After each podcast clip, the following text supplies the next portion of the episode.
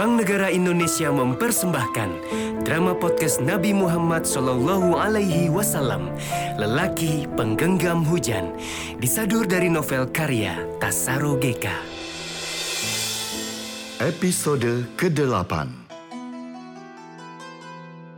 Pada kisah yang lalu diceritakan, Kasfa mengeluarkan perasaan hatinya pada Astu Perasaan hati yang dipendamnya hampir lebih dari sepuluh tahun. Jujurlah Astu, bahwa ada seseorang yang sejak bertahun-tahun yang lalu ingin kau sanding. Ingin kau tumpahi kasih sayang sebagai wujud pengabdian cintamu. Ke mana arah pembicaraanmu, Kasfa? Tentang cinta. Iya, cinta. Ada hal yang sudah kupahami tentang cinta, sedangkan kau tidak pernah mau tahu. Perjalanan cinta seperti jalur-jalur benda langit yang sering kita amati saat di kuil Gunung Sistan. Masing-masing takdir benda langit itu pasti sampai pada ujung jarak yang mereka tempuh. Ujung jarak itu membuat mau tidak mau benda langit itu harus berhenti. Jadi kau anggap pernikahanmu itu sebagai titik untuk berhenti mencintai seseorang yang sebenarnya kau dambakan? Ada yang lebih tinggi dibanding cinta yang kau pahami itu, Kasfah. Paman dan ibu, kenapa bicara keras-keras? Aku jadi terbangun. Ibumu ingin mengajak pulang, nak.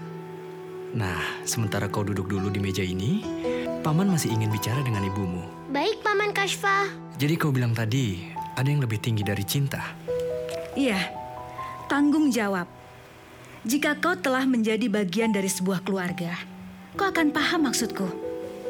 Tanggung jawab adalah perwujudan dari cinta yang seutuhnya. Jadi kau terpaksa mengabaikan cinta demi tanggung jawab sebagai seorang istri? Tidak akan mudah kau pahami, Kasfa. Selama sisa-sisa cinta yang ada di hatimu belum hilang. Ah, ayo kita pulang, Serses. Sambil menggendong Serses, Astu meninggalkan pondok tempat Kasfa dan Masya menginap selama berada di Gatas. Dalam perjalanan menuju rumahnya, Terngiang kembali kata-kata Kasfa yang menyentuh ke dalam relung hatinya yang paling dalam. Astu, duniamu adalah buku, kitab-kitab, perbincangan filsafat, agama-agama. Bukan jadi buruh perkebunan, mengurusi suami yang tidak mencintaimu, mengelola pekerjaan rumah tangga yang tidak ada habisnya, habisnya, habisnya habisnya. Astu teringat peristiwa sepuluh tahun yang lalu saat Kasfa menyusul Astu ke Gatas. Untuk yang terakhir kalinya, Kasfa mengajak Astu agar kembali ke kuil Gunung Sistan. Parkida mencuri dengar perbincangan mereka. Sebagai anak seorang kepala suku yang terhormat dan yang menguasai perkampungan Gatas, Parkida menantang Kasfa untuk berduel dengan alasan harga diri. Apa hakmu mau mengajak dan membawa kembali Astu ke kuil Gunung Sistan? Ha? Aku mengenal Astu lebih dari apa yang kau pahami. Kau memang keras kepala. Nah, aku ingin tahu, apakah badanmu sekeras kemauanmu yang ada di kepalamu? Tahan ini. Hiat. Ya. Ya. Ha. Ya. Ya. Ha. Ya. Rasakan ini. Ya, ya. Ah, aduh. Ah. Wah, Kasfa menjadi bulan-bulanan Parkida. Wajahnya mulai berdarah-darah. Hentikan! Hentikan Parkida! Kau memang bukan manusia. Ah, sudah cukup kesabaranku. Laki-laki ini hanya akan membawa bencana. Ah. Bukan berarti kau berhak menyiksanya. Ini cara paling sempurna untuk menghentikannya. Nah, lihatlah. Lihatlah sekarang dia terkapar. Mau coba-coba bermain dengan Parkida? Ahli gulat dari Gatas. Kau adalah ancaman nyata yang jauh lebih berbahaya dibanding Kasfa. Kurang ajar kau Astu. Kau sendiri yang datang ke Gatas meminta untuk aku nikahi. Kenapa sekarang seolah apa yang menimpa Kaswa? Aku harus menanggung dosanya. Hm. Aku datang sendiri ke Gatas, memang benar. Tetapi memintamu agar menikahiku. Hm. Kau mimpi, Parkida. Kalau kau tidak memintaku untuk menikahimu, tidak apa-apa. Tetapi kau tidak punya alasan untuk menolakku menjadi suamimu, bukan? Kau memang binatang, Parkida. Akhirnya, Astu dan Parkida melangsungkan pernikahannya. Rumah tangganya suram. Sesakit apa pun perasaan Astu, tetap dia menjalani kewajibannya sebagai seorang istri. Hatinya tidak terikat pada Parkida, tetapi moralnya tetap mengikuti ajaran Zoroaster. Dia menjalani rutinitas kehidupannya seolah-olah seperti ingin menghabiskan umurnya saja. Waktu pun berlalu dan tanpa terasa perutnya telah membesar dan harus mengeluarkan bayi yang ada dalam rahimnya. Ayo, ayo terus. Tarik nafasnya. Kumpulkan tenaganya. Ayo, ya, ya. Baru dorong. Ayo mulai. Ayo, terus. Ya, ayo terus, terus. Ayo, terus Nyonya. Ayo terus. Terus dorong, jangan berhenti. Ayo, ayo. Sedikit lagi. Sudah hampir kelihatan. Ayo. Terkutuklah kau Parkida. Makhluk itu sudah lahir. Aku benci. Aku benci. Penerusku sudah lahir. Penerusku sudah lahir. Aku jadi ayah. Aku jadi ayah. Kelahiran bayi laki-laki yang oleh Parkida dinamai Xerxes itu tidak berdampak apa pun pada Astu. Bayi itu tetap menjadi makhluk asing baginya. Dia hanya menjalankan rutinitas seorang perempuan yang melahirkan bayi dan memberikan air susunya tanpa ada ikatan emosional pada bayinya. Aku ibu yang tidak berguna. Hidupku sudah berakhir. Aku tidak akan pernah mencintai anakku. Semua kelakuan dan perbuatan Astu tidak lepas dari perhatian Parkida. Hingga suatu hari, saat Parkida menyodorkan Xerxes untuk disusui, dia memberanikan diri bicara pada Astu. Astu yang selama ini tidak pernah mau bicara padanya. Astu, aku mohon, dengarkan aku Astu. Beberapa hari yang lalu, ada beberapa perempuan di Gatas dan desa-desa tetangga yang melahirkan bayi. Aku datang memenuhi undangan orang tua bayi-bayi itu. Kau tahu Astu, mereka bahagia. Ibu-ibu bayi itu tersenyum sepanjang waktu. Kelahiran bayi-bayi mereka adalah hadiah dari langit yang mereka syukuri. Mereka sungguh-sungguh bahagia. Sedangkan aku melihatmu tidak terlihat bahagia dengan kelahiran Xerxes. Engkau tidak pernah menimangnya. Semua kau serahkan pada pengurus bayi. Kau tidak pernah bersenandung untuk Xerxes. Ada apa denganmu, Astu? Aku bukan suami yang kau harapkan. Aku tahu itu. Aku bersikap kasar sejak awal pernikahan kita. Tetapi tidakkah kau melihat? Aku mencoba memperbaiki diriku. Aku selalu mencintaimu, Astu. Aku tidak memaksamu untuk mencintaiku. Tetapi setidaknya engkau masih bisa mencintai Xerxes. Kau yang mengandung dengan susah payah. Kau yang melahirkannya dengan susah payah. Aku mohon cintailah Xerxes. Aku, aku, ibu yang tidak berguna. Aku, ibu yang payah. Tidak. Kau hanya terlalu lama menderita.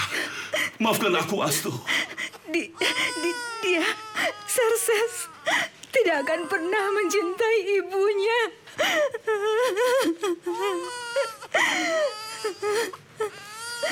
Kau salah, Astu. Xerxes sangat mencintaimu.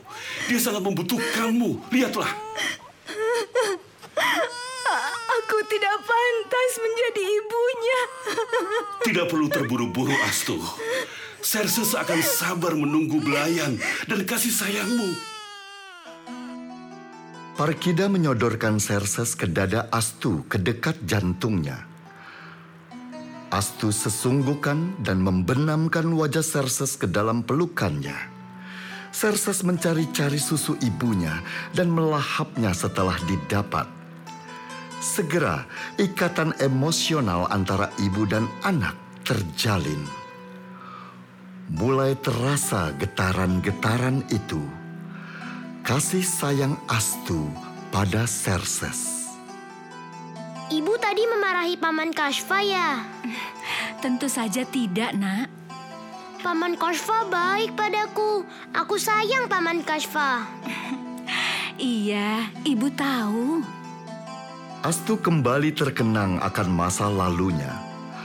Bayangan apa pun tentang sosok laki-laki yang bernama Parkida itu layak dihormati, layak mendapat kesetiaannya. Karena kesetiaan Parkida pada Astu lebih dari sekedar komitmen sebagai seorang suami. Ketika Serses lahir dan Astu dalam kelimbungannya, Parkidalah yang mengambil alih semua pekerjaan yang menjadi tanggung jawab Astu sebagai seorang ibu rumah tangga.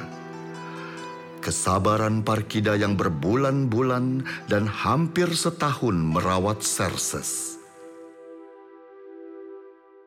Astu? Ayah! Kalian baik-baik saja? Iya, kami baik-baik saja. Ayo, cepatlah kalian masuk. Sebentar lagi gelap. Angin malam tidak baik untuk Serses. Kau mau ke mana? Siap-siap memakai sepatumu? Menemui Kaswa. Eh, eh, u- untuk apa? A- aku dan Serses baru saja mengunjunginya. Mengatakan apa yang harus dikatakan. Tidak ada yang harus dikatakan. Banyak. Paling tidak aku harus meminta maaf. Dan sudah waktunya dia tahu mengapa kita menikah. Tidak mungkin. Kau cuma bercanda kan? Sampai kapan dia harus memendam rasa penasarannya? Dia berhak untuk tahu, Astu. Eh, di- di- di- dia akan sangat terpukul. Itu jauh lebih baik dibanding dia harus menebak-nebak seumur hidupnya tentang pernikahan kita. Apa manfaatnya Parkida? Waktu sudah semakin mendekat, Astu. Sudah datang kabar dari kuil Gunung Sistan. Eh, benarkah berita itu sudah datang? Ah, tenangkan hatimu. Masya sudah bersiap-siap. Dan engkau pun harus bersiap-siap, Astu. Ayah. Kuatkan dirimu. Aku harus berangkat, Astu. Hampir satu jam, Kasfa dan Parkida duduk berbincang-bincang di pondok pinggir desa. Tempat Kasfa dan Masya tinggal selama mereka menetap di Gatas. Setelah pembicaraan basa-basi yang hampir memakan waktu satu jam itu, Parkida mulai bicara serius. Kaswa, ah, maaf. Untuk apa? Untuk luka-lukamu 10 tahun yang lalu. Bukankah orang-orangmu yang kemudian menolongku dan mengobati luka-lukaku sampai sembuh? Kau tahu, Kaswa, itu tidak cukup. Tentu saja sudah cukup. Ada luka lain. Pernikahanku dengan Astu. Ya, tentu saja Astu. Mungkin senang kau nikahi. Pada awalnya, Astu sangat membenciku. Apakah kau sudah menemukan alasan kenapa Yim tidak menentangku saat menikahi Astu? Apa kau punya jawabannya? Tentu. Sebenarnya apa yang kau rencanakan, Parkida? Setelah menghancurkan harapanku pada Astu, sekarang kau akan merubah pandanganku tentang Yim, ayahnya Astu. Dia adalah orang yang paling setia yang pernah ku kenal. Kau tidak bisa merusak pandanganku tentang citra Yim. Ini memang rumit, Kaswa. Apa yang kau lihat sebenarnya tidak seperti yang kau lihat. Jangan bertele-tele, Parkida. Aku tidak akan mempercayaimu. Satu kata pun dari semua kata-katamu. Biarkan aku menyelesaikan kalimatku, Kaswa. Apa yang sebenarnya akan dikatakan oleh Parkida? Ada rahasia apa di balik pernikahan Parkida dan Astu? Drama podcast ini persembahan dari BNI. Sampai jumpa dan nantikan episode selanjutnya hanya di Spotify Podcastless dan YouTube BNI, Bank Negara Indonesia.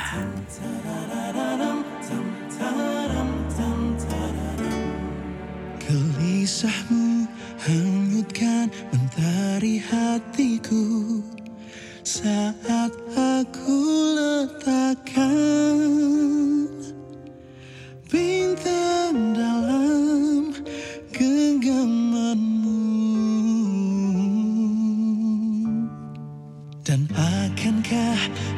menjadi rasa yang layak untuk